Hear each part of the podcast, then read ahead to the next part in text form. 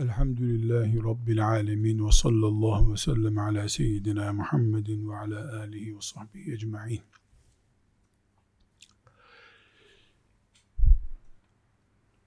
En büyük dağ Ağrı Dağı Türkiye'de. Ne kadar büyük bir bomba Ağrı Dağı'nı bir seferde imha edebilir? Mesela büyük atom bombaları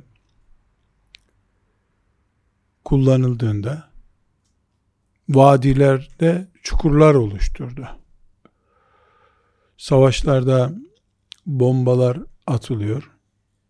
Irak'ta binlerce kere bombalama yapıldı. Dağlar yerinde duruyor daha.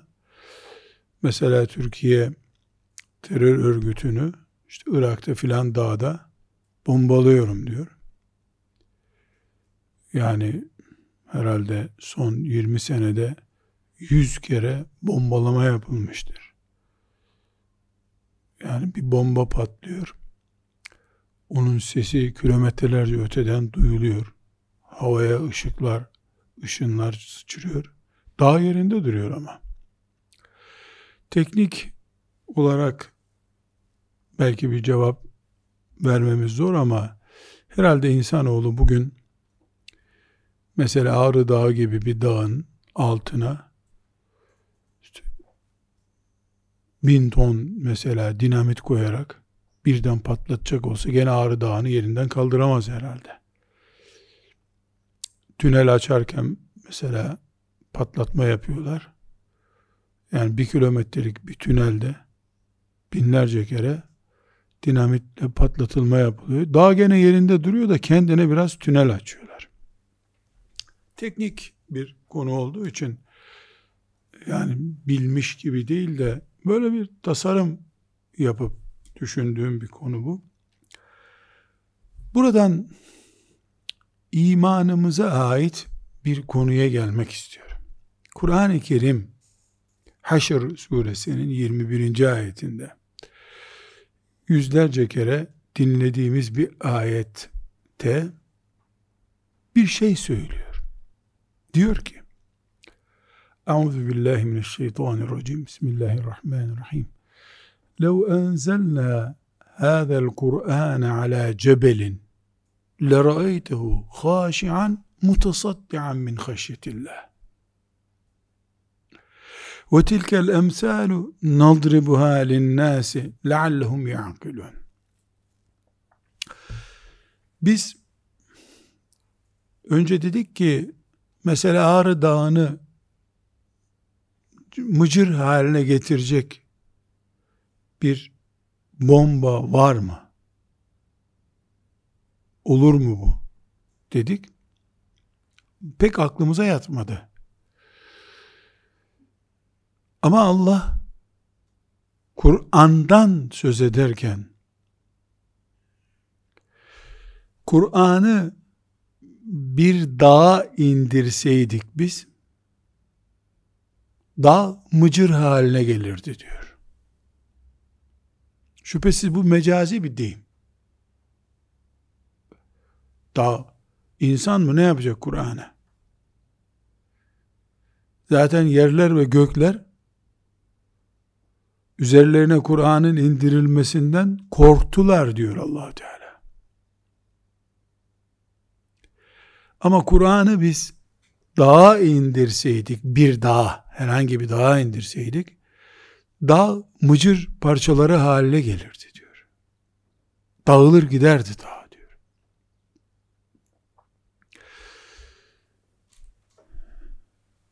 Kur'an-ı Kerim de bir ayeti Müslüman yani deyip esnek kabul etse o Müslüman olur mu? Haşa olmaz. Yani Kur'an-ı Kerim'de öyle değil denebilecek bir ayet yok. İman ediyoruz çünkü. Bu Haşr suresinin 21. ayeti de böyle bir ayet. Yani ne demek Kur'an-ı Kerim bir kilo bile gelmez bir kitap. Onu bir dağın üstüne koysan ne olur? Diye düşündüğü an La ilahe illallah gider. Bunu kafir böyle düşünebilir. Ciddi bir şekilde Müslüman için bu ayet böyledir. Den başka bir alternatif yoktur. Soru şu. Allah açıkça Ağrı Dağı'na sen Kur'an'la muhatapsın deseydik o dağ değil mıcır haline gelir. Erir giderdi diyor. E biz Ağrı Dağı'nı milyonlarca ton patlayıcı ile o hale getiremiyoruz. Atom bombası o hale getirmiyor dağları.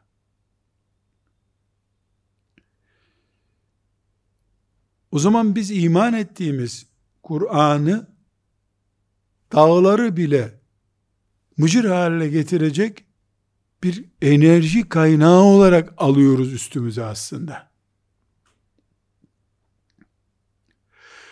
Böyle almadığımız zaman bizim inandığımız Kur'an hareketlendiren Kur'an olmuyor işte. Ölülerin Kur'an'ı haline geliyor. Peki Allahu Teala neden Kur'an-ı Kerim'i böyle benzetiyor? Bir dağa indirseydik parça parça olurdu diyor. Ve bunu Müslüman senelerdir her akşam namazında, her sabah namazında dinliyor camiye gidiyorsa. Gitmiyorsa da Kur'an'da okuyor. Kur'an böyle bir enerjidir. Ömer bin Hattab radıyallahu anh peygamber öldürmeye giderken bu enerjiyle karşılaştı. Yüreğindeki küfür parça parça oldu. Ağrı dağı kadar büyük bir küfür vardı yüreğinde. Ebu Cehil'in de vardı. Ama Ebu Cehil o enerjiyle kalbinin arasında barikatlar kurmuştu. Ömer bir ara bu barikatları kaldırdı. Kız kardeşine nedir bu okuduğunuz dedi. O cümle barikatları bir anlığına kaldırdığını gösteriyor. Bu enerjiyle karşılaştığı an Ömer'in içindeki şirk, küfür, put her şey yerle bir oldu. Burada konumuz bu değil. Ben sadece dikkat çekmek istiyorum. Hangi Kur'an'a iman ediyoruz? Ve ashab-ı kiramın elindeki Kur'an hangi Kur'an'dı? Bunu anlasak zaten mesele bitecek. Bunu anlatmak için misallendirmeye çalışıyorum.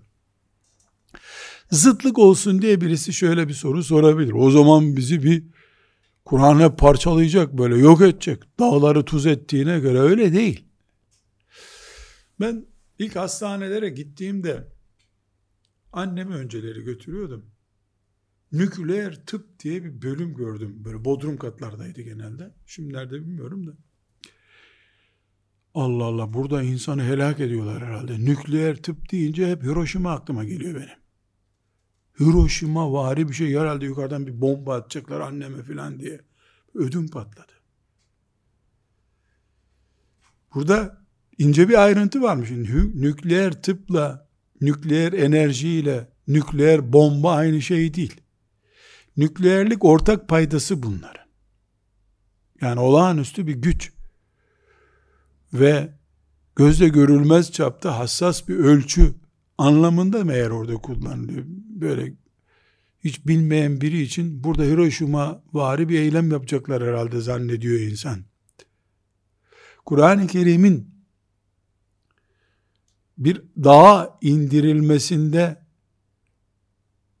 ortaya çıkacak olan sonuç bir insana iman et buna diye indirildiğinde niye ortaya çıkmıyor?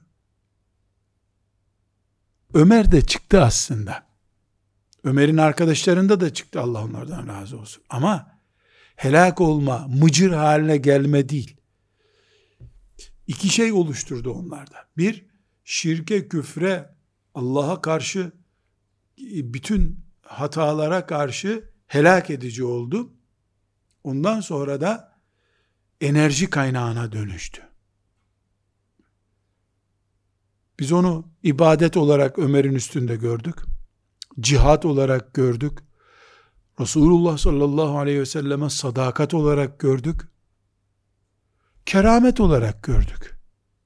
Nükleer di işte Ömer'in üzerinde bu. Müşrikler çok önemli bir ikinci örnek. Sonra konumuza döneceğiz. Müşrikler Resulullah sallallahu aleyhi ve selleme gelip madem sen hak peygambersin bize böyle güzel şeyler göster, kerametler göster. Büyük şeyler göster. Mesela ay insin buralara bir görelim. Bizi buradan Şam'a gönder. Yani 3000 kilometre birden gidelim gelelim ışınla bizi demek istiyorlar. Ya büyük şeyler göster de anlayalım senin peygamber olduğunu diyorlar. Efendimiz sallallahu aleyhi ve sellem Allah'ın kulu dediklerine nasıl cevap versin? Ankebut suresinin 51. ayetinde Allah Celle Celaluhu onlara cevap veriyor. Evelem yekfihim enna enzelna aleyhim enna enzelna aleykel kitabe yutle aleyhim sana indirdiğimiz o okunan kitap yetmiyor mu onlara? İşaret olarak mucize olarak. evelem yekfihim onlara yetmiyor mu? enne enzelne aleykel kitabe yütle aleyhim onlara yüzlerine okunan bir kitap indiriyoruz bu ayet Ankebut suresinin 51. ayetinde ne anlaşılıyor? Demek ki ashab-ı kiram, iman eden Mekkeliler ve kıyamete kadar iman edecek olan herkes, Mekke'den Şam'a beni ışınla. Böyle bir güç göster. Olmayacak bir şey. Olmayacak bir şey. Işınla beni oraya. Diyen adamların beklentisi olan yapılması mümkün değil olağanüstü güç Kur'an'ın okunan her ayetindedir. Bunu böyle anlayan sahabidir. Bunu böyle anlayamayan çaylaktır. İman çaylağıdır. Yani daha yeni patika yollarda yürüyordur. Eğer Rabbani insan. Yani nasıl diyelim? Mücahit mümin. Abid mümin. Allah'tan başka derdi olmayan mümin. Vesaire. O iyi Müslüman. Yetiştirmek istiyorsak Kur'an-ı Kerim'in bu heyecanına sahip insan yetiştirmek lazım ki hafızlık bu değildir. Kur'an hafızlığı başka bir şey. Çünkü Kur'an hafızlığı yani Kur'an ezberi Allah'ın Kur'an indirmedeki muradı değildir. Kur'an hafızlığı vesiledir, gaye değildir. Çünkü Allah Kur'an'ı ile amel edilsin diye Kur'an indirdi ezberlensin diye Kur'an indirmedi. Bütün insanlar 7 milyar Kur'an'ı ezberleseler içindeki tek bir hükmü Kur'an'ın eksik kaldığı sürece Allah'ın rızası mümkün değil. Hiç kimse hafız olmasa da Kur'an'ın hükümleri yerini bulsa kesinlikle Allah'ın rızası yerine gelecek. Çünkü Allah'ın Kur'an indirmedeki maksadı gayesi ne istiyor Allahü Teala? Yeryüzünde onun sözünün cari olmasını istiyor. Ne derse Allah o gerçekleşsin istiyor. Kur'an'ı ezberlemek hatta okumak Kur'an'ı okumak bunu gerçekleştirmiyor. Sabahlara kadar Kur'an okuyan birisi akşama kadar Kur'an okuyan birisi, akşam mesela yatsı namazını kılmadan yatıp uyusa kalsa, namazı bilerek kılmamış olsa, o okuduğu 24 saatlik Kur'an, yatsı namazının yerine denk oluyor mu kıyamet günü? Olmadığı, olmuyor. Mümkün değil. O zaman demek Allah namaz istiyordu. Namazı kılsın kulları, namazı ciddi alsınlar diye de Kur'an indirdi. Bunun gerçekleşmesi için de Kur'an'ın alfabesinin öğrenilmesi lazım, okunması lazım, ezberlenmesi lazım. Bütün bunlar gaye değil, vesile başka türlü olmaz diye. Dolayısıyla Kur'an'ın e, o müşriklerin bizi Şam'a ışınla bakalım anlayalım senin peygamber olduğunu dediği şeyi Allah e, Kur'an dinliyorlar ya yani bir kitlenin bir şehrin Mekke'nin bir yerden bir yere ışınlanması kadar büyük bir olay. 3000 kilometreyi göz açıp kapatıyorsun bir yere gidiyorsun. Bu film değil gerçek oluyor kadar büyük bir olay bir insanın Kur'an dinleyebiliyor olması. Kur'an anlıyor olması. Onlar bir miktarda anlıyorlardı tabi Kur'an lehçesini.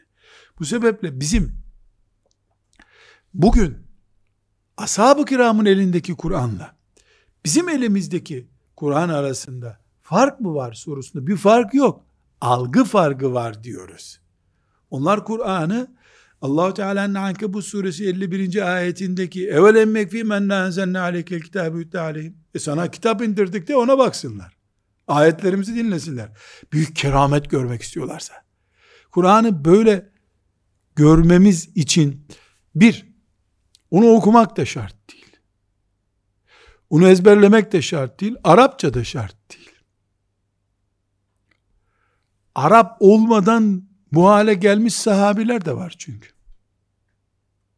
Bu ülkede, bizim yaşadığımız ülkede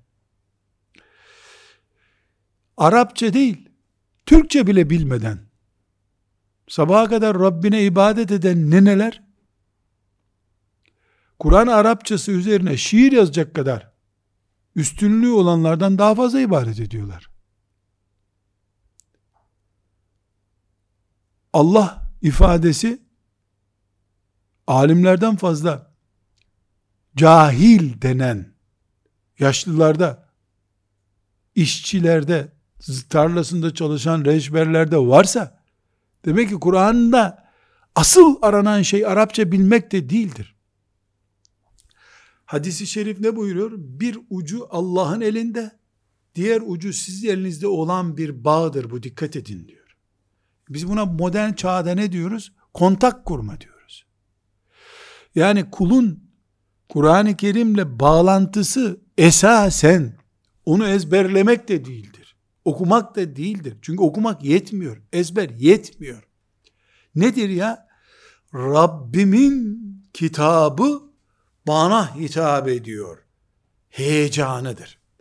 Bu heyecanı yakaladı mı mümin biiznillahü teala ondan sonra zaten ezberlemekte, e, anlamakta her şey peşinden geliyor.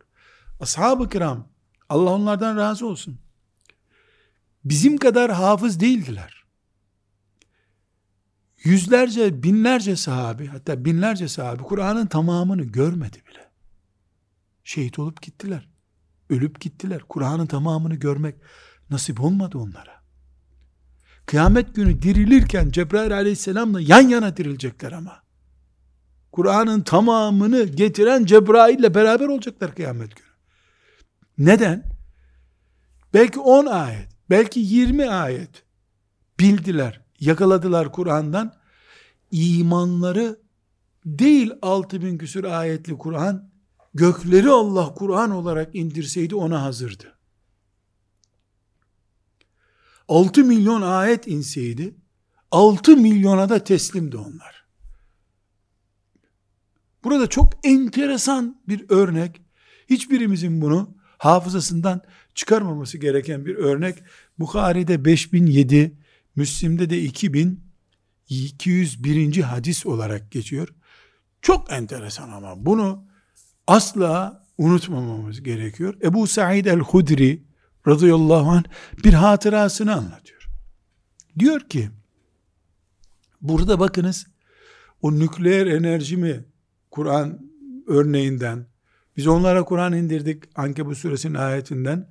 Burada Allah'ın muradı olan kulları Kur'an'ı yakalasınlar. Düşüncesi ashab-ı kiramda nasıl gerçekleşmiş? Bunu örneğine görüyoruz. Ebu Said el-Hudri radıyallahu anh diyor ki sahabenin ileri gelenlerinden bu. Resulullah sallallahu aleyhi ve sellem bizi bir göreve gönderdi diyor. Bir grup sahabi beraber işte diyelim ki Adapazarı'na gittiler mesela. İşte yer ismi zikretmiyor. Gittiğimiz yerde işimizi gördük. Bir genç kadın geldi. Dedi ki bizim kabilenin başında ki adam ağamız diyelim hani şimdi. Akrep soktu. Ee, adam ölüyor. Akrep sokmasına karşı bir bildiği olan var mı içinizde?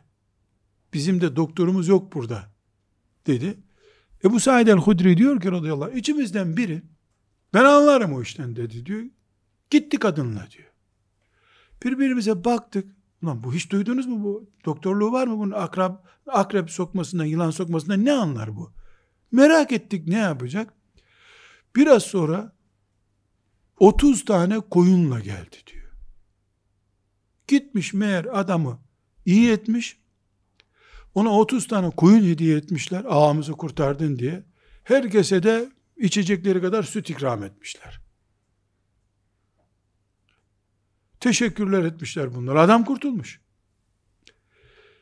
Ebu Said el-Hudri radıyallahu anh diyor ki adama dedik ki yani ismini zikretmiyor. Neden? Meşhur birisi değil. Yani ashab-ı kiramın öyle Ebu Said el-Hudri gibi birisi de değil. Ömer gibi birisi de değil. Sıradan kim bilir üç gün önce, bir hafta önce iman etmiş birisi. Koyunları almışlar. Sütleri de içmişler. Hediye ya da muayene ücreti karşılığı, tedavi ücreti karşılığı. Ebu Said el-Hudri demiş ki ona ya sen anlar mıydın bu işlerden? Yok anlamazdım demiş. Ne yaptın da adamı iyi ettin demiş. Fatiha suresi okudum adama demiş. Ya nereden biliyordun Fatiha suresinin akrep yılan sokmasına iyi geleceğini? Bu noktaya dikkat ediyoruz şimdi.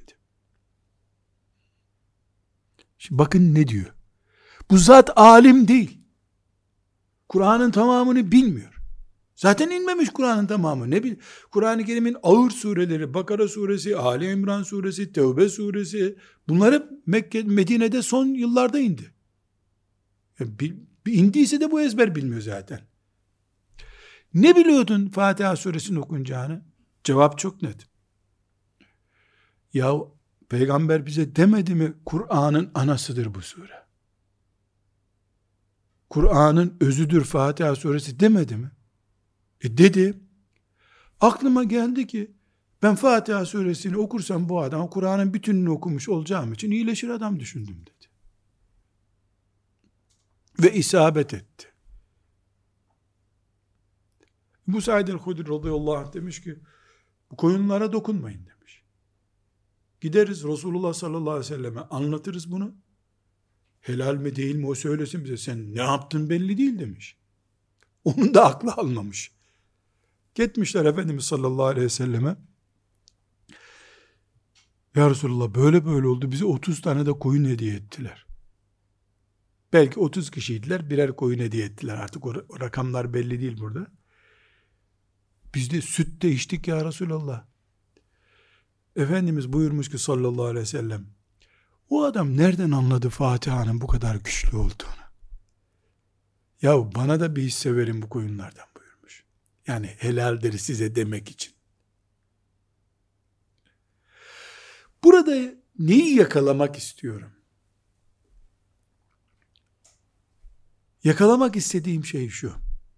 Sahabenin elindeki Kur'an bizim elimizdeki Kur'an'dır. Hatta o sahabinin elindeki Kur'an'dan daha toplu bir Kur'an'dır bizim elimizdeki Kur'an. Çünkü bu sahabi Efendimiz sallallahu aleyhi ve sellemin vefatından üç gün önce bu olay olduysa Kur'an'ın bütününü e, biliyordu diyebiliriz. İhtimal beş sene önce oldu. Kur'an'ın tamamı yoktu. Şimdi tamamı var Kur'an'ın. Bizde de hasta okunur. Ama ne zaman okunur? Doktorlar geri gönderdiyse ağrı kesicilerle artık hazırlanın vedalaşın deyip gönderdilerse hocayı çağırın olur. Bu zatın kafasındaki Peygamber sallallahu aleyhi ve sellem Kur'an'ın anası demişti Fatiha için. Demek ki Kur'an'ın bütünü bu. Okurum iyi olur adam. Ruhu hafızda bile yoktur. Görünürde. Şimdiki manzaramızda. Neden? Çünkü Kur'an'ı ezberlemek görev olarak bu teslimiyetin yerine oturtulmuştur. Halbuki Allah Müslüman derken Kur'an'a böyle teslim olmuş insan demek istiyordu. Bizde ilahiyat fakültesinde tefsir dersi Kur'an'dan farklı bir şeyler yakalamak için en iyi ihtimalle okunuyordur. Medresede de Arapçasını anlamak için okunuyordur. Bu sahabi ise tefsir nedir adını duymamıştır. Ashab-ı kiram döneminde tefsirin kitabı değil adı da yoktu zaten. Tefsir diye bir şey bilmiyorlardı. Ama bu zat ne biliyordu? Allah Kur'an indirdi. İnsanlara şifadır bu Kur'an diyor. Ben hepsini bilmiyorum. E, Fatiha Kur'an'ın anasıdır diyor. Okudum mu Fatiha'yı? Tamam, trafoyu yakaladım demektir. Mantık, teslimiyet mantığı bu. Bu dönüşüm müşrik bir toplumken onlar, putperestken onlar, bu dönüşüm onlarda gerçekleşti ise, anası babası Müslüman, doğduğu günden beri ezan dinleyen bir nesil olarak bizde niye gerçekleşmesin? Onlar da bir gerçekleştiyse bizde üç gerçekleşmesi lazım. Ama onlar bir dağa indirilmiş Kur'an ağırlığında aldılar Kur'an'ı. Bizse çocuk okula gidecek. Okulda vakit bulamaz. Şimdiden Kur'an'ı okusun da bu işte garanti olsun mantığıyla teslim ettik Kur'an'ı çocuklara. Edildi. Ve sonuç böyle oldu ne yazık ki. Üç şey Kur'an'a teslim edilmedikçe kesinlikle sonuç alamayız. Bir, akıllarımız Kur'an'a teslim edilecek. İki, kalplerimiz Kur'an'a teslim edilecek. Üç, bedenlerimiz Kur'an'a teslim. Ne demek bu? Akıllarımız Kur'an'a teslim edilecek demek, birinci madde, düşünürken Kur'an mantıklı düşüneceksin demek. Ne der Allah? Allah ne der barajını aşmayan hiçbir şey Müslümanın gündemine girmeyecek. Aklın Kur'an'a teslimi budur. İki, kalplerimiz Allah'a teslim edilmiş, Kur'an'a teslim edilmiş olacak. Ne demek? Allah'a tevekkül, sabır, Allah'tan razı olmak, huşu, kalp amellerimiz var ya bizim, kalp dünyamız, Kur'an ayetleri okunurken, sesi güzel bir hafızın okuduğuyla, sesi iyi olmayan bir hafızın okuduğu arasında fark oluyorsa bizim için etkilendiğimiz sestir, Kur'an değildir hala. Kalp dünyamızda sorun var demek ki. Ve bedenlerimiz Allah'a teslim olacak. Kılık kıyafetimizden hareketlerimize, tavrımıza kadar kesinlikle bedenlerimiz üzerinde bu yakalanacak. Sadece konuyu biraz rahatlatmak için söyleyeyim. Bir zamanlar Türkiye'de orduya Müslüman alınmadığı gibi Müslümanların çocukları da alınmıyordu. Benim bir dostumun oğlu askeriye imtihanlarına girdiğinde kazanamamıştı. Halbuki çocuk yani bir matematik zekası olarak çok yüksekti. Çok üzüldü ailesi. Ben de geçmiş olsun için gittiğimde oğlum ne dediler sana almadın? Ya dedi puanım tamdı ama dedi mülakatta elediler beni dedi. Mülakatta nasıl elediler seni dedi. Kolunu aç dediler bana. Kolumu açtım. Tamam kapat gidebilirsin dediler dedi. Meğer kolunu açmışlar. Abdest alanın tüyleri aşağı doğru yatık olduğu için onu keşfetmişler. Sizin evde baban namaz kılıyor mu demiş. Kılar demiş. Sen de kılıyorsun değil mi demiş. En son ne zaman abdest aldın demiş ona komisyondaki adam. Çabuk söyle demiş. Abdestsiz mi girdim? Yok yok. İmtihaneye gitsin diye abdest alıp geldim demiş. Tamam çıkabilirsin demişler. Abdest iman işareti. Şimdi bedenlerimizde dinsiz adam anlıyor. Abdest işaretini yakalıyor. Namaz kılanı pantolonunun dizlerinden tanıyor. Dizleri daha çabuk eskiyor namaz kılanın. Bu bedenlerimizin de Kur'an'a dönüşmüş olması anlamına geliyor. Üç şey, akıllarımız ve kalplerimiz, manevi dünyamız demek oluyor bu, ve bedenlerimiz Kur'an'a dönüşmediği sürece, Kur'an bizim için ashab-ı kiramın elindeki Kur'an ağırlığını taşımıyor. Değil, dağa indirilen ağırlığındaki Kur'an, 40 hatim indirsen kıpırdamıyor adam. Niye kıpırdamıyor? E ya yok, alan yok yani Kur'an'ı algılayacak bir ortam yok. Elbette bu sözünü ettiğimiz şey çok kolay hemen bugün gerçekleşir bir şey değil. Biz istesek de istemesek de bu asırda dört engel bu dönüşümü e, maalesef oluşturuyor. Ters manada oluşturuyor yani. Ashab-ı kiramdan ters tarafa dönüştürüyor bizi. Dört engelimiz var. Hem bizim için hem çocuklarımızı, aile düzenimizi oluştururken hangi e, odaklar başımıza bela olacak bunu tespit etmek için bu dört şeyi hızlıca zikretmem lazım. Birincisi İslami kimliğimize, Kur'an kimliğimize karşı evrensel bir saldırı var. Tankla, siyasetle, ziraatla, gıda ile, ticaretle, turizmle, okumayla, yazmayla kesinlikle bütün evrensel bir saldırı aleni düşmanlar ve Müslümandan görünen düşmanlar. Hayatında Kur'an'a tutmamış ve ebedi tutmayacak olanlar, Ramazan'da Kur'an okuyanlar. Topluca, milyarlarca cepheden Kur'an'a bir saldırı var. Bu saldırının içinde bir Kur'an nesli yetiştirmeye çalışıyoruz biz. Zor ama ecri büyük bir şey. Bedava yapılan bir gibi değil bu.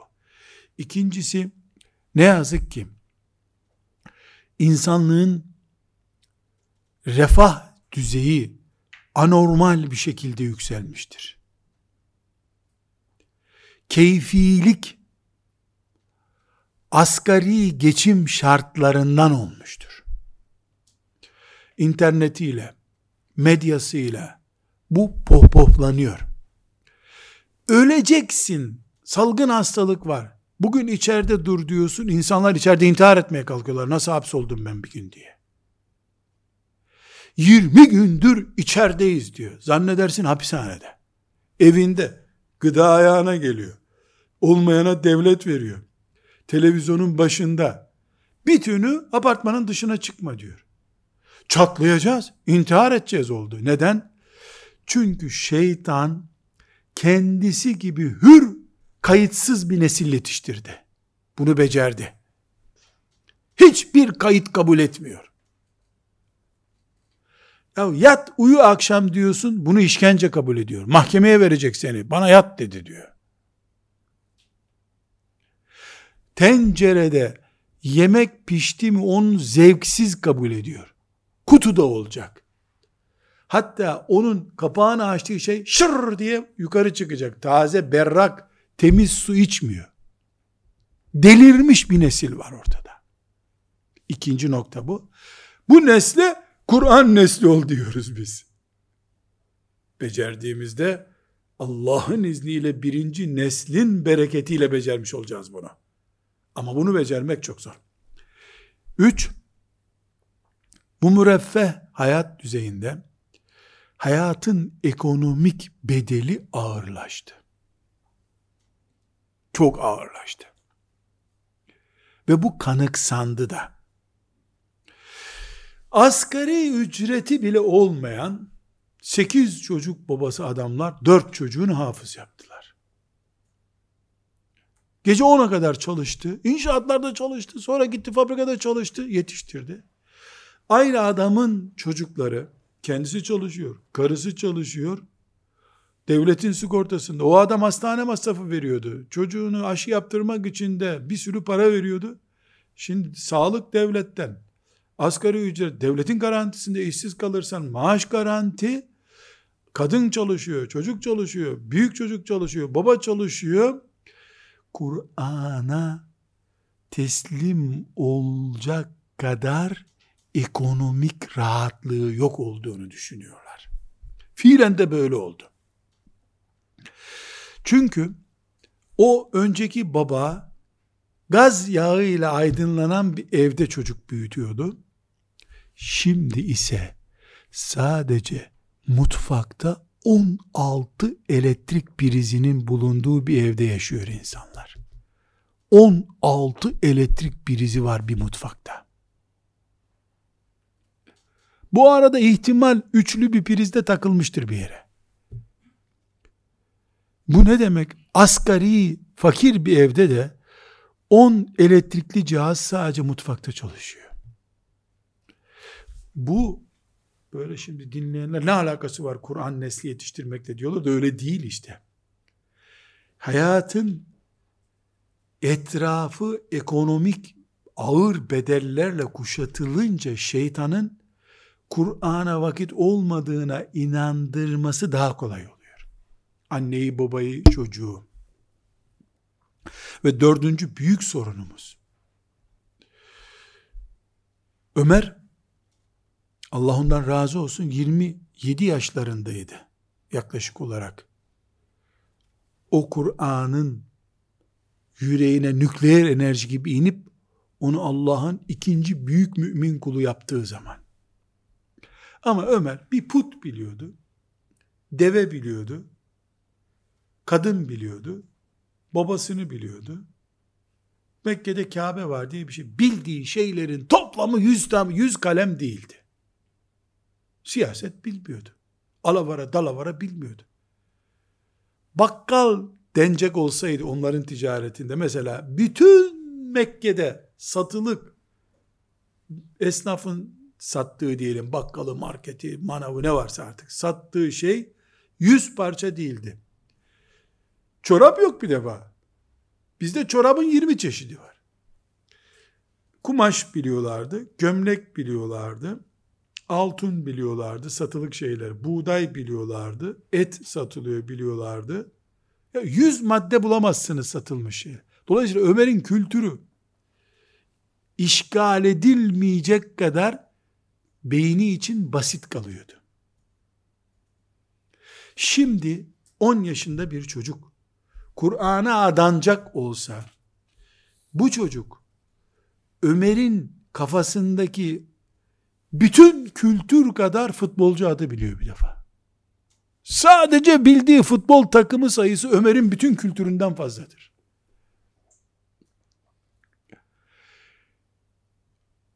oyun sitelerinden öğrendiği hayalet isimler, hayalet savaşlar, binlerce kere Ömer'in kültüründen fazladır.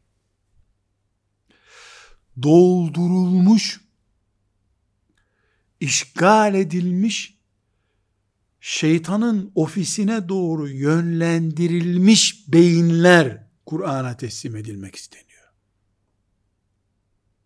Dolayısıyla Ömer'in Allah ondan razı olsun Kur'an'dan o nükleer çapta etkilenmesini beklemek 10 kat, 50 kat zorlaşıyor. Ama imkansız diye bir şey yok.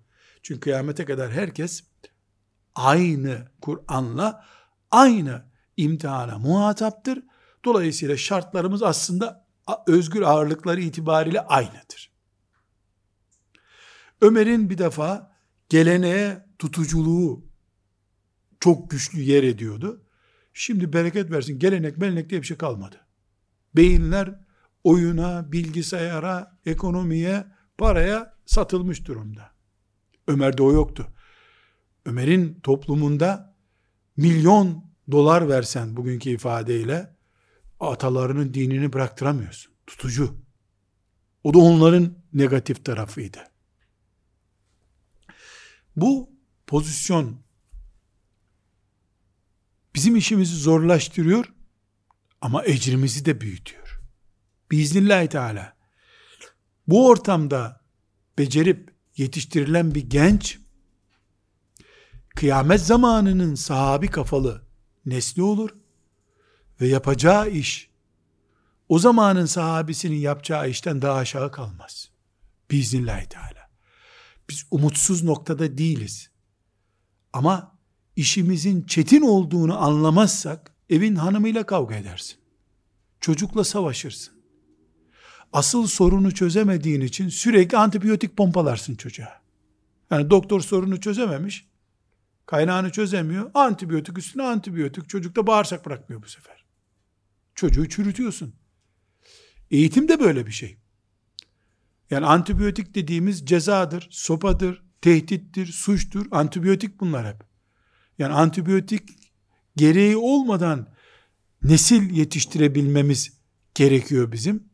Bu da işte ne dedik? Önce kalpleri dönüştürmek, akılları, kalpleri, bedenleri dönüştürmek gerekiyor ya. Kalbi dönüştürdüğün zaman sabır, Eyüp Aleyhisselam'ın sabrıyla bağlantı kuruyor. Çocuk senin saçlarından tavana bağlasa seni bağırıp çağırmıyorsun bu sefer. O senin sabrın da sonunda onu adam ediyor. Kur'an'a teslim ediyor. Yalnız bu dördüncü nokta çok önemli. Benim babam Allah ona sabır, selamet ve afiyet versin. Ölüsüne dirisine rahmet etsin. Yüzlerce hafız yetiştirmiş birisidir. Başka hocadan alfabeyi öğrenmiş çocuğu almazdı hafız yapmak için. Hiç Kur'an okumayı bilmeyen çocuk isterdi. Bunu çok merak ederdim ben. Niye böyle yaparsın diye. Ya onun ağzı eğri büğrü bir mahalle imamından ayn mıdır, gayn mıdır belli değil. Onunla uğraşıp düzeltene kadar başkası hafız olur derdi. Bu Kur'an'ı orijinal bir hafızdan öğrenmediği için adamın derdi böyle. E bir de düşün Latince onun yerine oturmuş. Sekülerizm din olarak çocuğun kafasına 12 yaşında oturmuş. Onu ne zaman söküp atacaksın da ne zaman şeriat ve Kur'an getireceksin? Bu sebeple ailelerimizi tecrit edilmiş karantina gibi bir ortamda tuttuğumuzda tabi bunu da becerip yani toplumdan koparılmış böyle maymun gibi toplumun ortasında kalacak mantığa gelmeden riskli alanlardan kurtardığımız zaman biiznillahü teala nesil yetiştirmek daha kolay olur. Yani Kur'an'ın mucizeliği bitmiştir. Demediğimiz sürece ki bunu dediğimiz zaman imanımız gider. Kur'an nesli yetiştirme umudumuz kalktı diyemeyiz. Bu zamanda Kur'an nesli yetişmez diyen Kur'an'ın mucize gücü bitti demek istiyordur. Müslüman böyle diyebilir mi? Derse onun namazı kılınır mı? Cenazesi kılınır mı? Kafir olur. Kur'an'ın mucizeliği bitti der. Çünkü Efendimiz sallallahu aleyhi ve sellemin en büyük mucizesi Kur'an-ı Kerim'dir.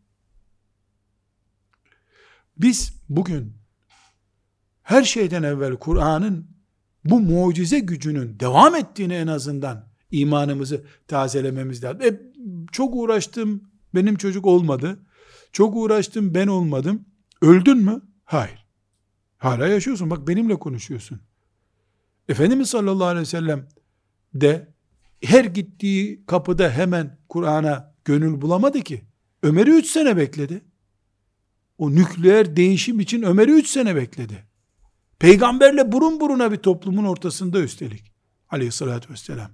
Sen sekülerist bir toplumda üç aydır hala Kur'an'a geçemedi dersen güldürürsün melekleri. Komik olur bu. Dedik ki kalp dönüşecek sabrı tanısın diye, huşu tanısın diye, tevekkül tanısın diye, kadere teslimiyet tanısın diye kalp dönüşecek.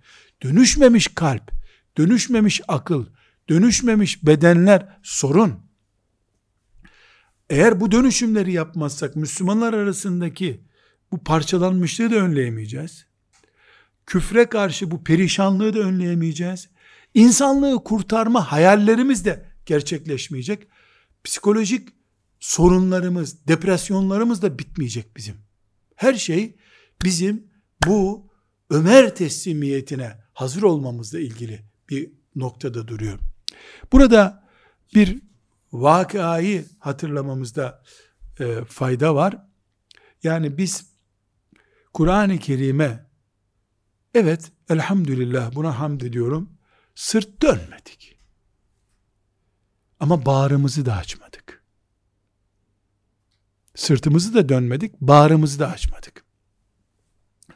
Bu sefer ne oldu? Kur'an iman ve heyecanımızın kaynağıydı. İmanımız ve heyecanımız kadar nükleer güç olarak bize inecekti Kur'an. Bağrımızı açacak bir imanla Kur'an'a sahip olmadığımız için Allah Kur'an'ı suçumuz oranında bizden geri çekti. Sırt dönseydik nauzu billah kökten Kur'an'ı alacaktı içimizden. Sırt dönmedik de işte bağrımızı kapatıp yüz yüze duruyoruz o kadar. mesafeli bir şekilde Kur'an-ı Kerim'de duruyoruz ama inkar etmiyoruz. Bereketi de o kadar oldu Kur'an'ın. Nedir o bereket? İşte ölülerimizi okuyoruz, çocuklarımız okusun istiyoruz. Güzel sesli bir hafız okursa ona gözyaşı akıtıyoruz. Heyecanlanıyoruz. Bu bir düzey. Cezamız suçumuzun cinsinden oldu. Ama bir noktaya gelinecek nauzu billahi teala sırtla dönecek İslam toplumları Kur'an'a. Ve o gün Allah Kur'an'ı tamamıyla kaldıracak. Bunu unutmamamız lazım. Bununla ilgili İbn Mace'nin 4049. hadisi şerifi bütün Müslümanların bilmesi gereken bir hadis-i şeriftir. Efendimiz sallallahu aleyhi ve sellem buyuruyor ki elbisenin üstünde hani kumaşın rengini oluşturan e, mesela gömleğimdeki çizgiler çok güneşin altında kaldığında, çamaşır suyuyla muhatap olduğunda veya eskidiğinde ne oluyor? Soluyor. Bu renkler ilk satıldığında başkaydı. Bir sene kullanılınca başka, on sene kullanılınca bir tek renge dönüşüyor. Efendimiz sallallahu aleyhi ve sellem buyuruyor İslam kumaştaki renklerin solduğu gibi solacak toplumlarda. Sonunda oruç nedir, namaz nedir, haç nedir, sadaka nedir bilinmeyecek. Ve sonunda bir noktaya gelinecek ki, bir gece insanlar kalktığında, yeryüzünün hiçbir yerinde Kur'an'dan yazılı bir ayet kalmadığını, ezber bilenlerin ezber bildiği bir ayet kalplerde kalmadığını görecekler buyuruyor. Huzeyfe Tübnül Yaman'ın rivayet ettiği bir hadis bu. Sadece yaşlı başlı birkaç insan kalacak. Diyecekler ki onlar da bizim atalarımız namaz diye bir şey bilirlerdi. Oruç diye bir şey bilirlerdi. Kur'an diye bir şey okurlardı. Hatırat arasında kalacak bu. Huzeyfe radıyallahu anh buraya çok dikkat ediyoruz şimdi bak. Burası çok önemli. Bu radikal mantıklı olduğunu zanneden gençlere bunu söylüyorum. Huzeyfe radıyallahu anh bir mecliste bu hadisi okuyor. Bu neyi gösteriyor? Yani din gitti. Bir umut yok gösteriyor. O konuşmayı dinleyen, Efendimiz'den değil Huzeyfe'den dinleyen gruptaki birisi Huzeyfe'nin eteğini tutmuş. Bunlar gavur oldu değil mi? demiş. Huzeyfe de aynı sözü tekrar başlamış.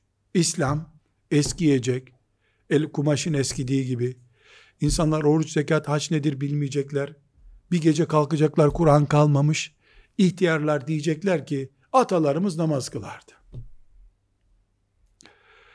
Aynı adam, Huzeyfe demiş. Yani gavur oldular demek istiyorsun değil mi demiş. Aynı şeyi bir daha anlatmış Huzeyfe. Adam tekrar gavur oldular değil mi sonunda demiş. Sinirlenmiş Huzeyfe radıyallahu anh. Bırak be adam bir la ilahe illallahla cennete girsinler bari demiş. Allah ondan razı olsun.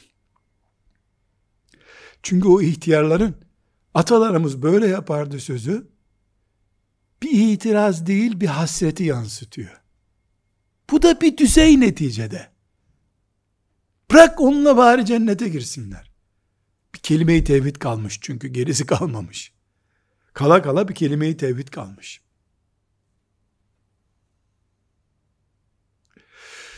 Burada mümin kardeşlerimin ashab-ı kiramın Kur'an'ı ile bizim Kur'an'ımız arasında bir fark olmadığı halde onların Müslümanlığı ile bizim Müslümanlığımız Kur'an'a karşı olan Müslümanlığımız açısı arasında neden fark olduğunu ve kıyamete yaklaşıldıkça neden bu elbisenin renginin böyle solduğunu merak ediyorlarsa cevap şudur. Bir, İblis ezelinden beri bu savaşı veriyor. Müslümanlar bu savaşta ekonomik refah düzeyleri yükselince bir miktar soluklanmaya kalktılar. Onun için bu sonuç ortaya çıktı. Düşman hiç soluklanmadı. Müslümanlar fen liseleriyle karşılaşınca Kur'an-ı Kerim'i fakir çocukların medreselerine bıraktılar. Sonuç bu. Ve bu bir asır mı, iki asır mı sürer bu afet Allah bilir. İki, sadece Kur'an'ın değil, Allah'ın indirdiği dört kitabın hepsinin ezeli bir düşmanı var. Yahudiler. Ellerindeki Tevrat'ı, onu düzeltmek için inmiş Zebur'u, onu düzeltmek için inmiş İncil'i, hepsinin hükmü olarak inmiş Kur'an'ı kaldırmaya yeminli bir nesil var dünyada. Yahudiler. Okudukları Tevrat da Tevrat'ı kaldırmak içindir aslında. Kendi yazdıkları Tevrat'ı okuyorlar çünkü. Bu bir büyük sorun. Çizgi film dediğimiz şeyi Yahudinin ucunda durduğu bir şey olabilir dikkat edeceğiz. Eğer Kur'an engelliyorsa. Üçüncüsü sorun Kur'an-ı Kerim'in ve siyasetin ayrı koltuklara oturuyor olmasından kaynaklanıyor. Bazı kendini bilmez Müslümanlar küfre şirin görünmek için aslında laiklik bir nimettir Müslümanlara da faydası var diyorlar ya. Kur'an ve siyaset iki ayrı noktada durduğu sürece Kur'an gariptir. Ve dördüncü noktada refah düzeyi gece kalkıp gözyaşlarıyla Kur'an okumaya engel olabiliyor. Refah düzeyine rağmen Kur'anlı mümin olmak zorundayız. Ve sallallahu ve sellem ala seyyidina Muhammed ve ala alihi ve sahbihi ecma'in velhamdülillahi rabbil alemin.